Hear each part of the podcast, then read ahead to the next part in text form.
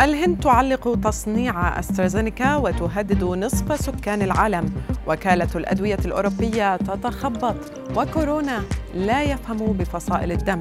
أبرز أخبار الساعات الأربع والعشرين الماضية في دقيقتين على العربية بودكاست. في ظل تصاعد الخوف من لقاح أكسفورد أسترازينيكا أعلنت الهند أولى المتعاقدين لتصنيع اللقاح تعليق تصنيعه لديها في معهد سيروم الهندي أكبر مصنع لقاحات في العالم. هذا القرار يمثل كارثة وانتكاسة كبرى على الصعيد العالمي.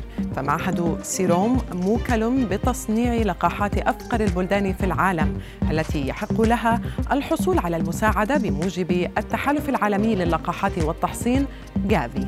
بمعنى آخر أوكلت إلى هذا المعهد مهمة تصنيع لقاحات لقاحات ل 92 دولة.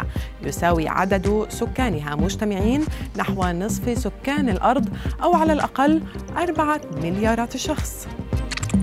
في ذات السياق وبعد أن أكد مسؤول في الوكالة الأوروبية للأدوية وجود علاقة واضحة بين لقاح أسترازينيكا وتجلط الدم عادت الوكالة لتنفي وجود أي إثبات على ذلك. وفي بيانها قالت إنها لم تتوصل بعد إلى نتيجة حاسمة وأن المراجعة حول تلك المسألة جارية حالياً.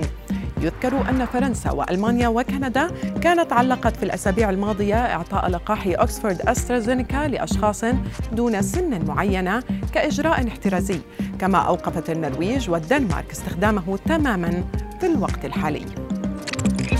خرف واضطراب وسكتات مصائب يتركها كورونا ويرحل.